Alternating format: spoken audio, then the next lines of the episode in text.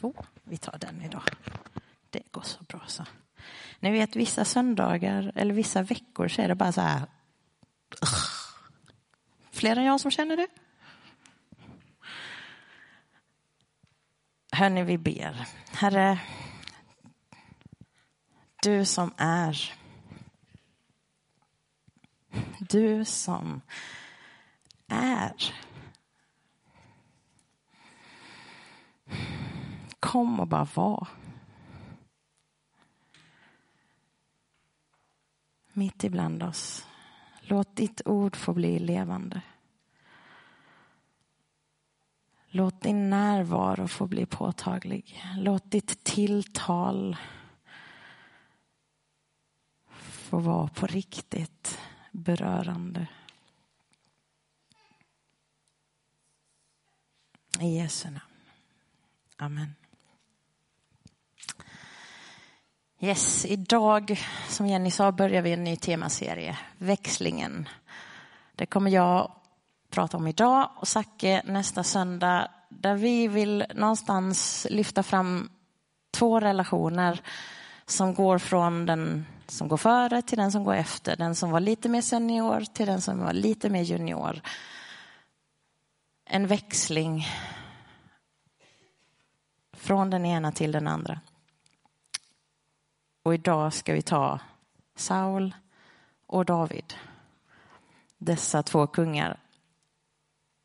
Jag tänker att jag ska presentera dem först. Sen tänker jag att jag vill dela några tankar om ja, men det som händer när de överlappar i tid. Och till sist vill jag landa i en utmaning till oss alla. Sen är ju Gud Gud. Så skulle du uppleva att ja, men jag får ju fler än en utmaning. Gud välsigne dig. Så gött. Känn dig extra välsignad. Växlingen från Saul till David då. Vi börjar med Saul. Så här presenteras Saul. I Benjamins stam fanns en rik och mäktig man som hette Kish. Han var son till Aviel, som var son till Seror, son till Bekorat. Fantastiska namn alltså. Son till Afiach av Benjamins stam. Kish hade en son som hette Saul, en ståtlig ung man. Det fanns ingen ståtligare i hela Israel. Han var huvudet högre än alla andra. Saul var av Benjamins stam. Han var riktigt snygg. Och just det, han var lång också. Eh, viktiga detaljer tänker jag, om man nu nämner det i presentationen av en person. Så kom ihåg de detaljerna. Och efter den här presentationen så får man ju då stöta på honom på riktigt. Då. Vad händer då? Jo, men han är på jakt efter sin fars åsnor som har sprungit bort. Eh, och han drar med sig en tjänare och så går de ut och letar och så till slut så hamnar de, eh, stöter de på profeten Samuel. Och profeten Samuel har bra kontakt med Gud och Gud pratar med honom. Så pass bra kontakt att det då står så här. Dagen innan Saul kom hade Herren varskott Samuel och sagt Imorgon sänder jag till dig en man från Benjamins land och honom ska du smörja till första över mitt folk Israel. Han ska rädda det ur filistenas våld, ty jag har sett mitt folks nöd och lyssnat till dess klagan. När Samuel fick se Saul sa Herren till honom, där är mannen som jag talade om, han som ska styra mitt folk. Israels folk Guds folk. De har aldrig haft en mänsklig kung. De har haft Gud. Gud skulle vara deras kung. Eh, och det var så den relationen var tänkt att funka. Och sen under olika perioder så har Gud skickat ledare för att nu går folket lite snett. va? Nu gör de inte riktigt som Gud tänkte att de skulle göra. Vi skickar domare. Det var så ledarna hette i domarboken.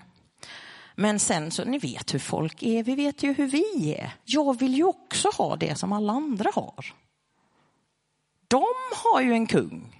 De har ju också en kung. Jag vill också, vi vill också ha en kung. Samuel, ge oss en kung. Ja, så här står nu den senaste ledaren som Gud har satt in, profeten Samuel, ska någonstans möta folket eh, och så får han bekräftat från Gud att den här mannen här, denna ståtliga man, han ska vi välja. Hur gick det då till för Saul att bli kung? Jo, men han ramlar in på en offerfest som Samuel håller. Och efter festen så är han ju såklart trött och så går han och lägger sig och så morgonen därpå så står det så här. I gryningen ropade Samuel till Saul uppe på taket för det var där han sov. Svalt och skönt. Stig upp så ska jag följa dig ett stycke på väg. Han har då ju fått reda på att åsnorna är hemma igen. Eh, Saul steg upp och de gick ut tillsammans. När de kom ner till utkanten av stan så sa Samuel, skicka tjänaren i förväg men stanna själv kvar en stund. Så ska jag tala om vad Gud har sagt. Samuel tog nu en flaska med olja och hällde den över Sauls huvud. Mysigt. Han kysste honom och sa, Herren smörjer dig till första över sitt folk Israel. Du ska styra Herrens folk och rädda det från alla fiender som omger det. Och där står Saul, ensam med profeten Samuel, smord med olja som ett tecken på att Gud har utvalt dig. Du ska bli den där kungen som de ropar efter, som folket ropar efter. Och sen så rabblar Samuel upp en hejans massa saker. Att det här kommer hända, detta kommer hända, detta kommer hända, detta kommer hända. Och just det, sen kommer helig ande, Guds ande falla över dig. Och du kommer bli som en annan människa. Allt det här händer ju såklart. Jag menar, har Gud sagt det så, så händer det ju. Eh, och efter att allt det där händer så går Saul hem och så berättar han det för inte en kotte. Ingen får veta vad han har varit med om. Så när blir det här offentligt då? Samuel kallade samman israeliterna inför Herren i Mispa och där talade han till dem. Så säger Herren, Israels Gud. Det var jag som förde Israel ut ur Egypten och räddade er undan Egypterna och alla de välden som förtryckte er.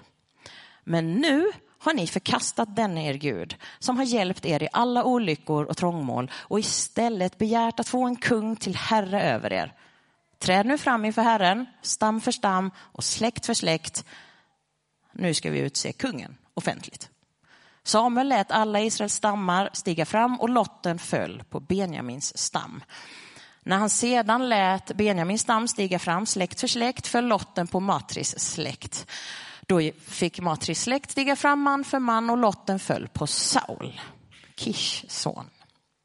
De sökte efter honom och när de inte kunde finna honom vände de sig på nytt till Herren och frågade om Saul verkligen hade kommit. Och Herren svarade, han har gömt sig borta i lägret. Då sprang de dit, hämtade honom och där han nu stod bland folket var han huvudet högre än alla andra Samuel sa, här ser ni den som Herren har utvalt. Hans like finns inte i hela folket.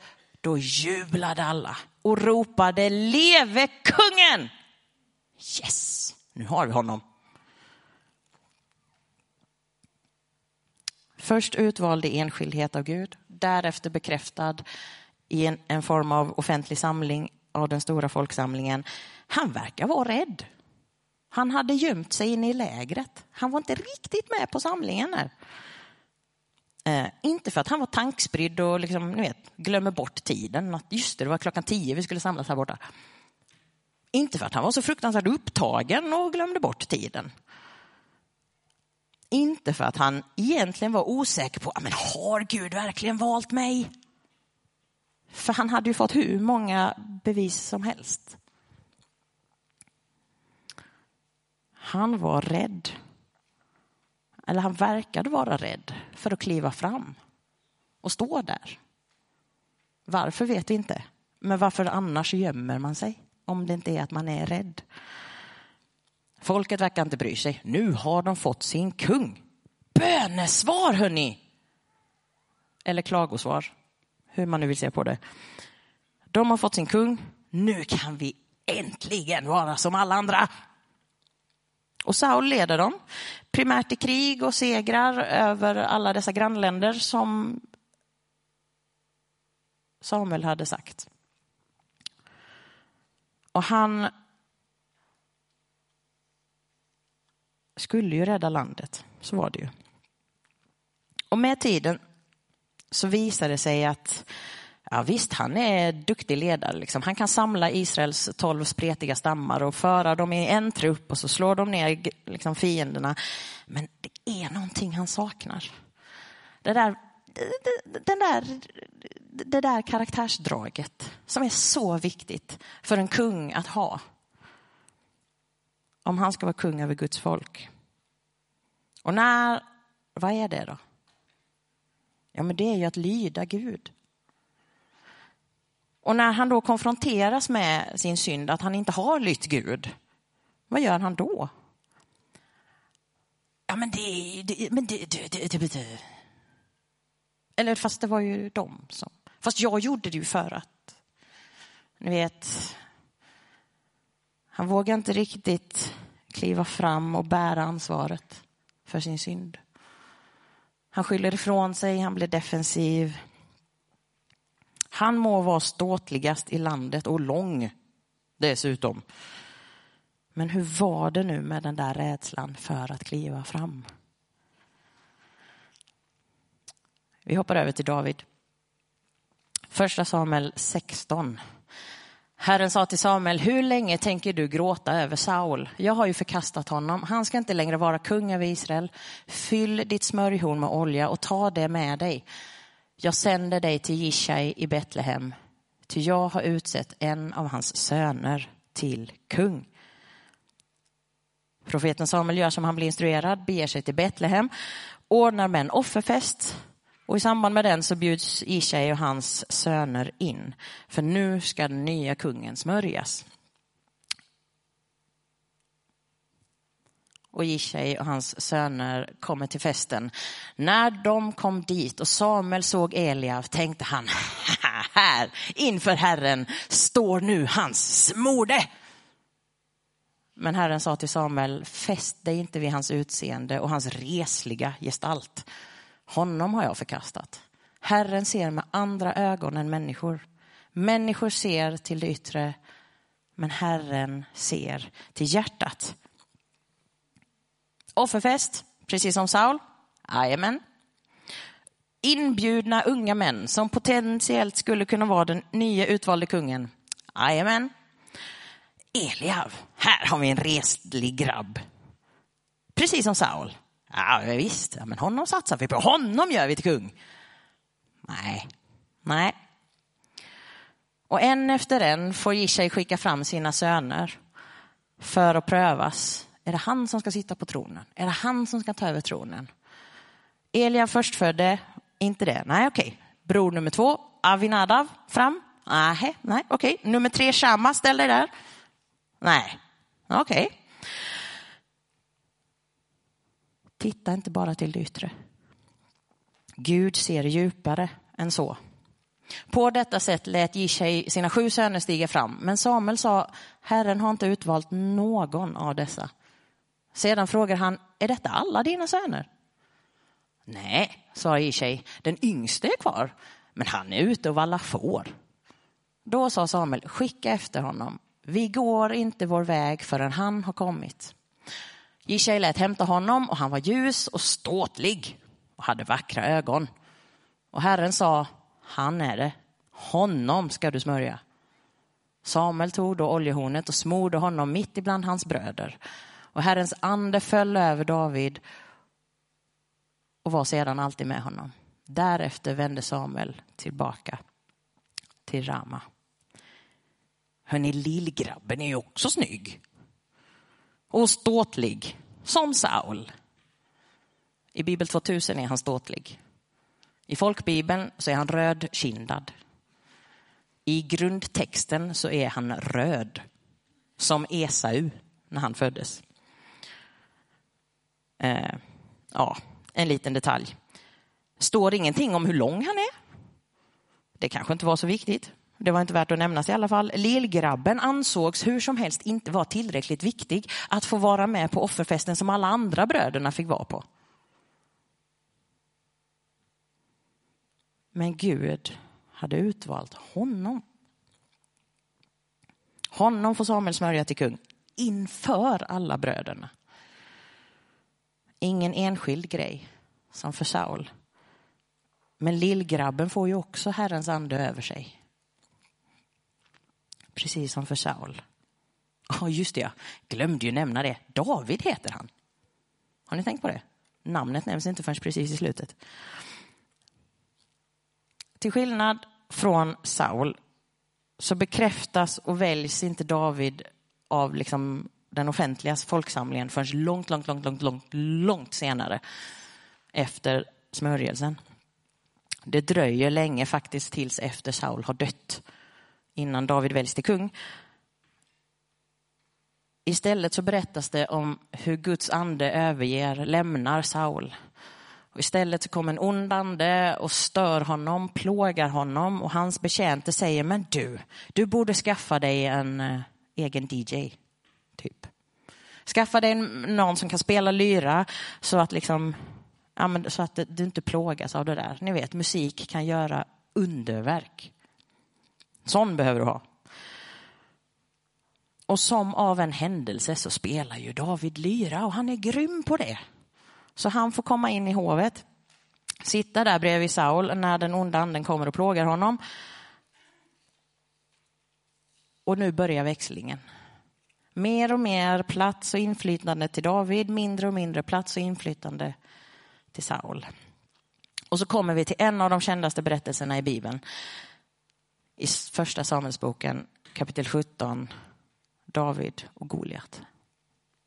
Filistenas armé har slagit läger här, på denna sidan dalen. Israeliterna står här, andra sidan dalen. Nu hörni, blir det fight. Eller? Ur, Israel, ur filisternas led steg då fram en tvekampskämpe som hette Goliat från Gat. Han var tre meter lång och bar en hjälm av brons och ett harnesk med bronsfjäll som vägde omkring 60 kilo. Det är ju vissa av er. Han hade benskenor av brons och en bronssabel i rem över axeln. Skaftet på hans spjut var tjockt som en vävbom och spetsen som var av järn vägde över sju kilo. Framför honom gick hans sköldbärare. Det blir ingen strid. Ingen attackerar den andra. Istället traskar den filisteiske soldaten ner, ställer sig i dalen och börjar ropa. Eh, men det är ingen vilken, inte vilken filisteisk soldat som helst. Det här är soldater med stort S. I engelskan så har man översatt det till champion. Det säger någonting om liksom storheten. Och stor var han ju, tre meter stor. Riktig bjässe. Kan man verkligen vara så lång? Eller ni vet, kan det inte vara så att Bibeln ni vet, och författaren så här, överdriver lite? David måste ju ändå få lite extra cred för det han gör, eller? Det finns något som heter gigantism. När det är någon rubbning i hjärnan som gör att tillväxthormon sprutas in i kroppen som gör att du växer och blir jättelång och lite större i kroppsbyggnaden. Så. Världens längsta man hade detta. Hans pappa är ganska normal lång. Eh, och det har funnits flera sådana så kallade jättar genom världshistorien. Det fanns en snubbe Eh, en brottare som hette Giant Gonzales. Man måste ju ha ett coolt namn om man är brottare, eller hur? Dog 2010, så det är inte så fasligt så länge sedan.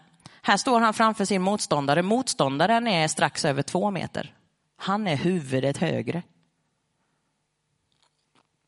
Det är alltså inte helt omöjligt med en tre meter Goliat, tänker jag. Eh, men han är ju inte bara lång och stor. Han är fruktansvärt stark. Gå runt och bära på 60 kilo rustning plus lite till. Och sen sådär, någon av Bibelns så här, grejer som är kul. Kan ni tänka er om Goliat är så här, tre meter. och framför honom gick hans sköldbärare.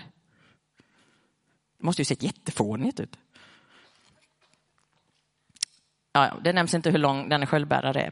Vad hittar Goliat på där nere i dalen? Goliat gjorde halt och ropade bort mot de israelitiska leden. Varför ställde ni upp till strid? Jag är filistenas man och ni Sauls tjänare, utser någon på er sida som får komma ner till mig. Om han är stark nog att kämpa mot mig och döda mig så blir vi era slavar. Men om jag vinner och dödar honom, då blir ni våra slavar och tjänar oss. Och han fortsatte, jag utmanar Israels här, skicka fram en man som kan kämpa med mig. När Saul och alla israeliterna hörde Filistens utmaning blev de utom sig av skräck. Grekerna hade ett sätt att avgöra strider på. Istället för att alla soldater skulle dö när de slogs mot varandra så skickar vi bara fram en från varje. Det är ju väl schysst. Här står Filistenas tre meter champion. Var är min like? Var är han som är huvudet högre än alla andra? Det är väl en rimlig liksom, fight.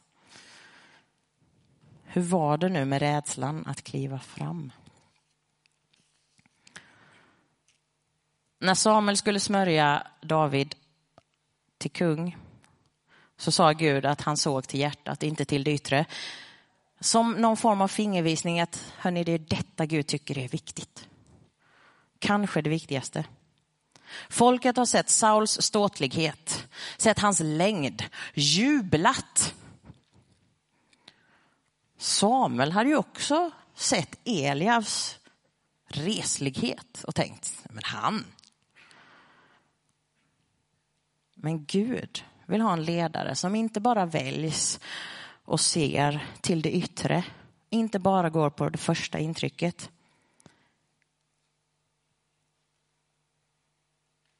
Men kan det vara det som har hänt här? Att både kungen själv och därför antar jag alla hans trupper ser första intrycket, ser det yttre och blir superskraja.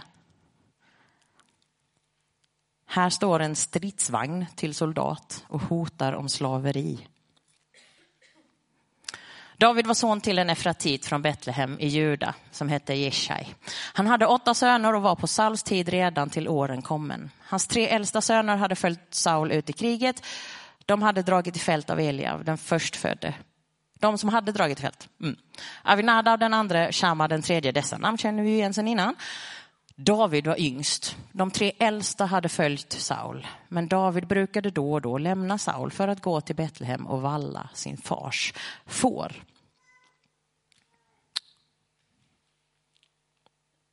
Kan vi göra lite matte här? Matte är ändå lite kul. Hur gammal var David egentligen? Det står att de tre äldsta hade hängt med Saul ut i krig. Detta är Guds instruktioner till Mose i under ökenvandringen. Du, alltså Mose, och Aron ska mönstra alla vapenföra israeliter från 20 års ålder och uppåt. Herravdelning för herravdelning. Är du 20 bast, då ska du med in i armén. Då ska du ut i fält. Shama, antar jag, kan vara 20 i så fall. Bror nummer tre. Eh, ska bror då nummer fyra vara 19 om vi tänker att eh, Ishai får en son per år? Ja, ni ser ju, man bara räknar neråt här. David kan ha varit 15. 15! 15 år. Ja, hur ser vi på 15-åringar? Morgon och kväll i 40 dagars tid steg Filisten fram och ställde sig där. 40 dagar. 40 är prövningens nummer i Bibeln. Ökenvandringen för Israels folk efter att ha blivit befriade ur Egypten. Det tog dem 40 år att komma till det förlovade landet. Vet ni, den resan, den promenaden med det sällskapet tar egentligen typ två veckor. Men eftersom de inte vågar lita på Gud så tog det 40 år. Jesus vandrade runt i öknen 40 dagar utan mat och sen kom djävulen för att pröva honom. Saul hans armé prövas under 40 dagar av denne bjässe. Varje morgon, varje kväll, Ingen verkar inspirerad av att kliva fram och möta denna champion. Minst av allt Saul. Hemma i Betlehem har pappa Ishai börjat bli orolig. Hur går det för mina grabbar? Jag har inte hört någonting på länge. Ni som har tonårsföräldrar eller unga vuxna. Eh, ni som har tonårsbarn eller unga vuxna barn. Märker ni att de inte alltid hör av sig? Så. Han börjar bli lite orolig. David, kan du ta med lite mat och hör, kolla liksom, med bröderna?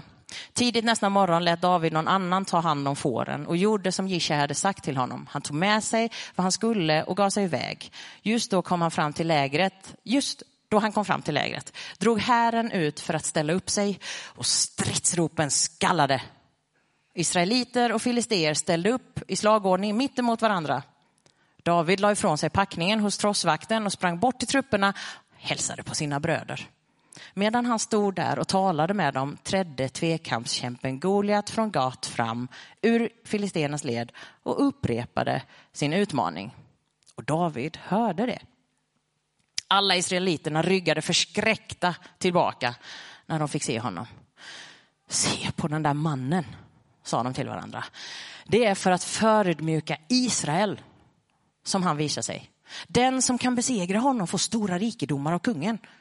Han får kungens dotter till hustru och alla i hans släkt ska vara fria män i Israel. David frågade dem som stod närmast, vilken belöning får den som slår ihjäl den där filisten och befriar Israel från vanäran? Och hur kan en oomskuren filisté få skymfa den levande gudens här? Ansvarsfull och pålitlig 15-åring den där David. Se till att någon tar hand om fåren, hans uppgift, innan han går och tar sig an någonting annat. Och när han kommer fram så håller armén på att förbereda sig för strid. Stridsropen skallar, adrenalinet pumpar. Kan ni tänka er någon form av liksom mäktigt mullrande soldaters fotsteg när de liksom beger sig bort till branten för att rada upp sig. David dumpar maten hos han som har hand om förrådet och så sticker han iväg och ska hälsa på bröderna. Det finns många saker i Bibeln jag inte förstår, vissa mer avgörande än andra. Detta är kanske inte en jätteavgörande grej, men jag funderar på vad håller Israels armé på med? Varför har man hela den här liksom, och så, mm, mm, mm. och så radar man upp sig och sen så bara, ah! Goliat har ju hållit på så i 40 dagar. Har ni glömt det? Eller är, har ni någon, jag vet inte, är man dum i huvudet? Eller har man någon galen förmåga att tro att ja, men kanske idag blir det annorlunda? Kanske något annat händer. David hör hotet och så blir han upprörd. Han hör inget hot om en armé mot någon armé. Han hör inget förödmjukande hån mot Israels armé. Det han hör, det är att Israels Gud hotas. Israels Gud hånas.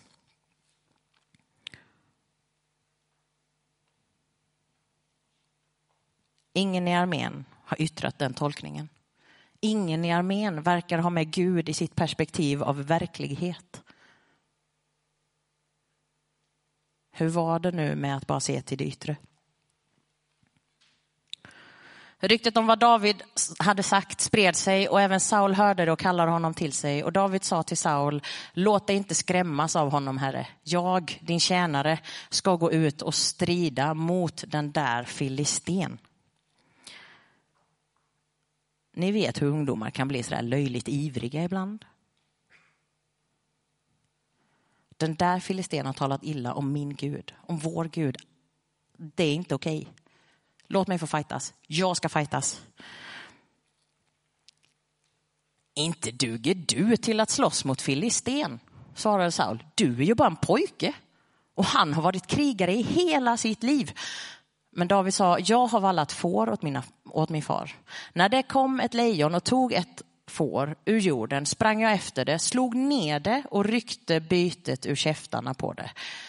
När det anföll mig grep jag det i manen och slog ihjäl det. Också en björn har jag fällt Och det ska gå likadant för den där oomskurne filisten som det gick för dem eftersom han har skymfat den levande Gudens här. Och han tillade, Herren som har räddat mig från både lejon och björn, han ska rädda mig från den där filisten. Då sa Saul till honom, gå, Herren är med dig. Och så klädde han David i sina egna kläder och satte på honom en hjälm av brons och ett harnesk. Sedan spände David fast svärdet utanpå kläderna och försökte gå i rustningen. Det hade han aldrig tidigare prövat. Nej, med allt det här kan jag inte gå, sa han till Saul. Jag har aldrig gjort det förr. Och så la han av sig rustningen. Han tog sin käpp, valde ut fem släta stenar i bäcken och stoppade dem i sin hederväska, sin ränsel. Med slungan i handen gick han mot Filisten. Du kan ju inte slåss, du är bara en grabb. Är det för att David är liten till växten? Ser inte så mycket ut för världen? Jag tror inte det. Har ni sett en 15-årig grabb nyligen? Jag tycker de är ganska långa. Jämfört med mig i alla fall. Generellt sett tycker jag att de växer ganska fort. Typ 20-30 centimeter på en sommar. Och när Saul dessutom erbjuder sina egna kläder till David. Alltså, jag tänker så här. Min treårige grabb, när jag tycker att han ska vara gullig och ger honom min munkjacka så han ser ut som en jedi-krigare, det är ju, det är gulligt. Men ska han ut och leka, då har han ju inte min munkjacka på sig. Den passar ju inte. Då måste han ju ha någonting som funkar med hans kroppsstorlek. Kan det vara så att David har växt till sig? Han är inte så liten som man fått med sig att han kanske är. Är det att ung betyder oerfaren då? Här står Goliat, har tränats till elitsoldat sedan han var ja, men yngre än David förmodligen. David, du har ju knappt varit ute på fält. Vad har du att komma med? Ja, men du, jag har slått mot lejon. De blir två och en halv meter långa utan svansen. Jag har slått mot björnar. De blir tre meter långa. Förmodligen med svansstumpen. Det är Goliats liga. Och när de här rovdjuren kommer och tar mina får så slår jag ner dem, rycker fåret ur munnen på dem och så går vi hem. Om det där rovdjuret inte ger med sig, då smäller det. Annars låter jag honom vara.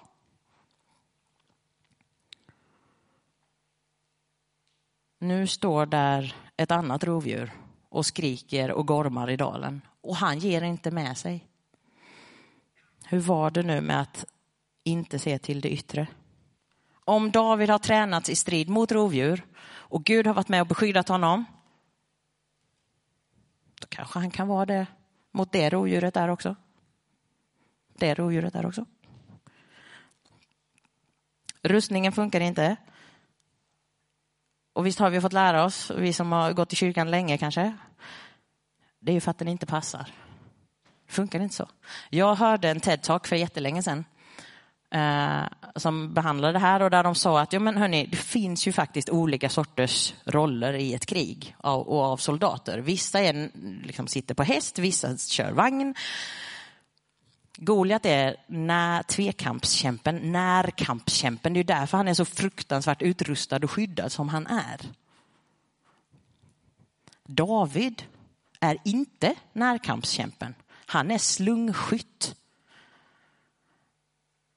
Längsta dokumenterade skottet med slunga, sten i slunga är 437,1 meter. Han behöver ingen rustning. Han står ju långt borta där och kan träffa honom där. Inga problem. David är tränad på ett annat sätt. Men han kan ju slåss i alla fall. Han kan ju utföra uppgiften i alla fall så länge han får göra det på sitt sätt. Visst är det så att Gud har utrustat oss med olika gåvor och erfarenheter. Inom samma verksamhet så är vi olika ändå. Det är inte så att alla barnledare är exakt likadana. Det är inte så att alla värdar är exakt likadana. Vågar jag lita på det? Vågar jag ge utrymme för det? Vågar du det? Och vad hade hänt med församlingen om vi vågade det ännu mer? Att våga se och våga lita på att Gud har lagt ner någonting annat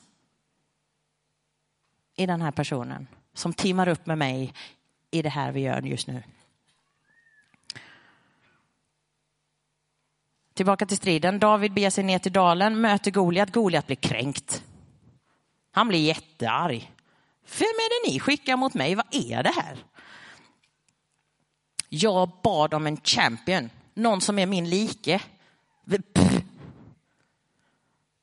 Och så börjar han förbanna och hota David och slänga massa ja, fula ord.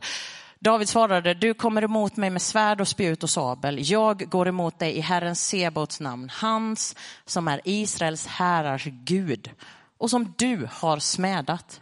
Idag ska Herren utlämna dig åt mig. Jag ska fälla dig till marken och hugga huvudet av dig. Det här kanske inte var så barnvänligt.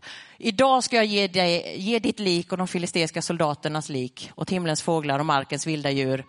Det var så man psykar varandra, hörni junior. Mm. Så ska hela världen förstå att Israel har en Gud. Har en Gud.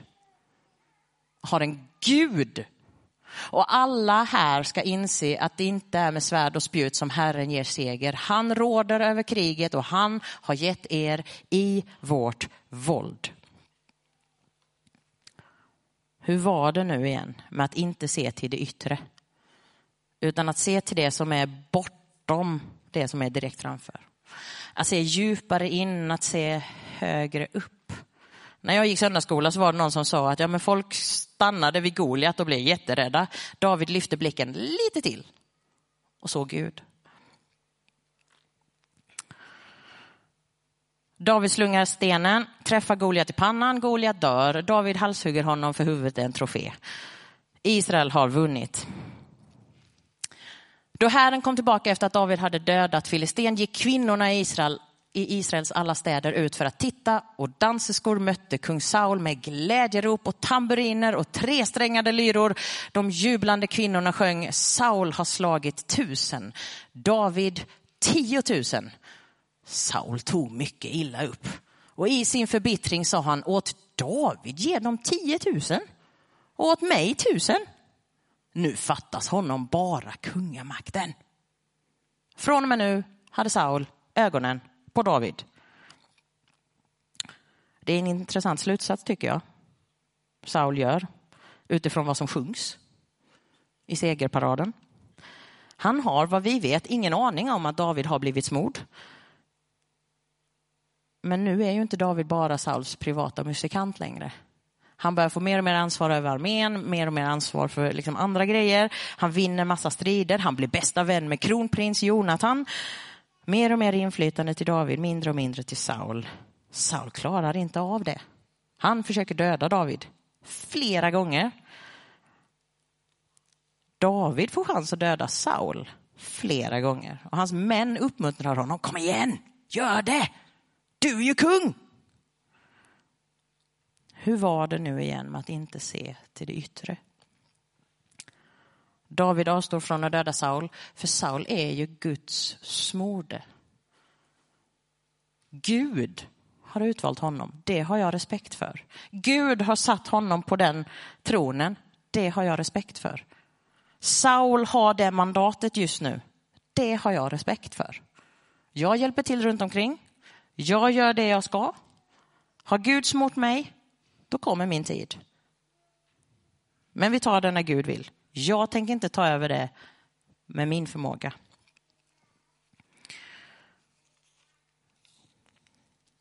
Ursäkta att det drar ut på tiden. Hur var det nu igen? Med, det där, med den där rädslan för att kliva fram. Hur var det nu igen med att inte se till det yttre? Saul vågar inte kliva fram när han ska officiellt väljas till kung. Han vågar inte kliva fram för att möta jätten Goliat. Varför var han så rädd? David vågade kliva fram. David verkar inte vara rädd. Kan det vara för att han hade en levande relation med Gud. Han visste vem han var i Gud, han visste vem Gud var med honom. Han visste att Gud var med honom, han visste att Gud hade hjälpt honom. Och om Gud är densamme igår och idag i evighet, då ska han ju minsann hjälpa mig nu också, eller?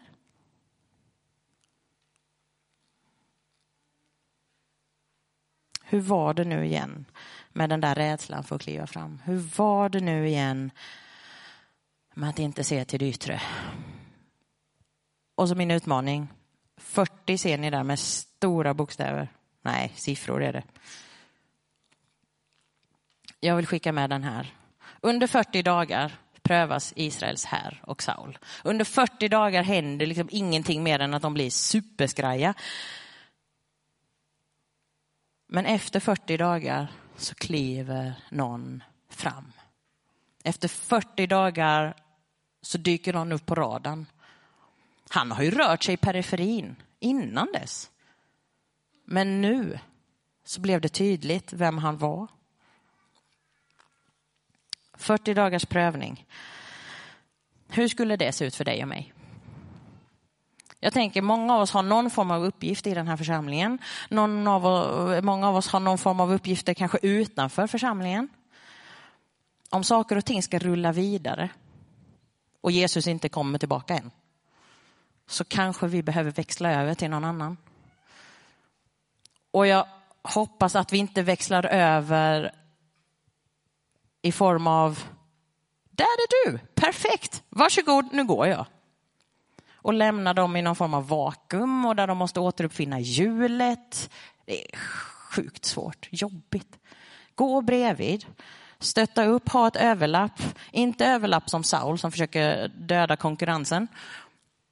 Utan liksom gå bredvid, lär dem. Var det inte så Mose gjorde med Josua? Var det inte så Jesus gjorde med lärjungarna? Var det inte så Paulus gjorde med Timoteus? Hörru, kom här. Gå bredvid mig, lär av mig. Så här gör jag, så här tänker jag. Irene är sjukt duktig här i den här församlingen. Hon skulle iväg några dagar, någon vecka eller två. Jag fick bli hennes vikarie. Hon var grym. Hon vet hur jag funkar, vi funkar typ likadant. Så hon hade gjort fantastiska mallar och bra instruktioner och så här skulle en exempeltext i mejlet kunna vara. Varsågod Winnie. Tre söndagar till dig, nu åker jag.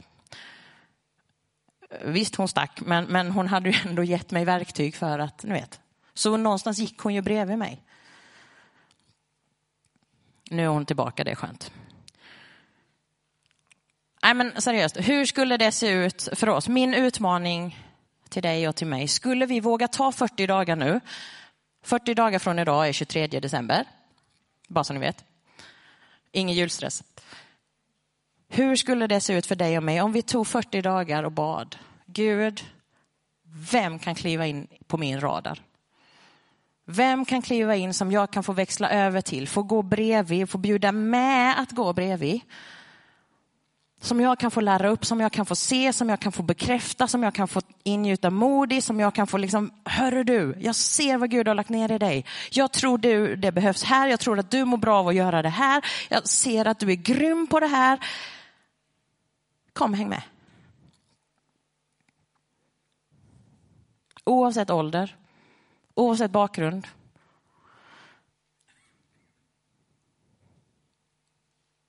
Fyrtio dagar.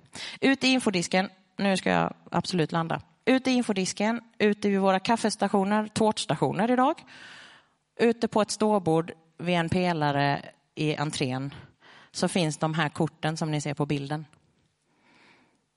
Om du känner att ja, jag, jag vill nog anta utmaningen, eller jag kanske inte idag, men det skadar ju inte ta med sig det kortet hem. Ta med kortet hem. Använd det gärna. Min förhoppning är att tänk om vi kunde ta dessa 40 dagar. Min förhoppning är att du skulle ta de här 40 dagarna, be Gud visa mig vem det är som ska kliva in i min radar. Och det kanske går 40 dagar och ingenting händer. Och sen den 23 så bara, boom! Just det, den personen. Och efter de här 40 dagarna, eller kanske, jag vet inte, framåt vårkanten eller någonting så inser du att just det. Då vill jag hoppas jag, önskar jag, att du skannar den där QR-koden eller skriver in den där webblänken och så kommer du komma till en sida på hemsidan där du behöver mata in lösenordet, står på kortet. Och så kommer du komma till ett formulär. Där önskar jag att du vill dela med dig av vad det var som hände under dina 40 dagar. berätta som, lite så mycket du vill. Det stannar hos mig, jag har tystnadsplikt, men jag hade så gärna velat veta, hur gick det? Eh, vill du så kan du fylla i namn och kontaktuppgifter och då kommer jag, min önskan är i alla fall att nästa år då ringer jag dig eller jag mejlar dig och bara så här, du, skulle vi kunna ta en fika? Skulle du kunna berätta lite mer? Sånt bygger min tro. Jag behöver det. Om ni vill. Jesus, du är. Du är konungarnas konung, du är herrarnas herre. Du är segraren i allt, överallt. Herre, nu när det här får landa i oss, gör ditt verk. Om det finns någon som behöver dyka upp på vår radar, låt den personen få blippa fram. Gör det tydligt för oss och ge oss mod att våga sträcka ut en hand och bjuda in och bjuda med.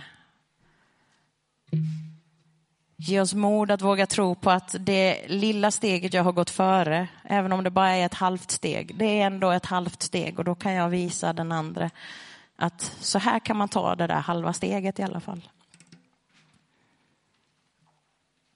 Herre, låt oss få hitta den där David i våra liv.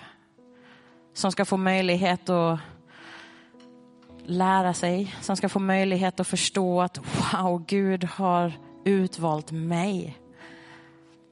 Låt oss få hitta vår David och låt oss vara ödmjuka och låta honom få kliva fram och ta större plats, få göra större grejer för ditt rikes skull. Låt oss inte vara rädda för att kliva fram när någon annan kommer med den här inbjudan till oss. Utan låt oss få känna att vi ser bortom det yttre, vi ser bortom det första intrycket. Vi vill ära dig Gud. Ske din vilja Herre. I Jesu namn. Amen.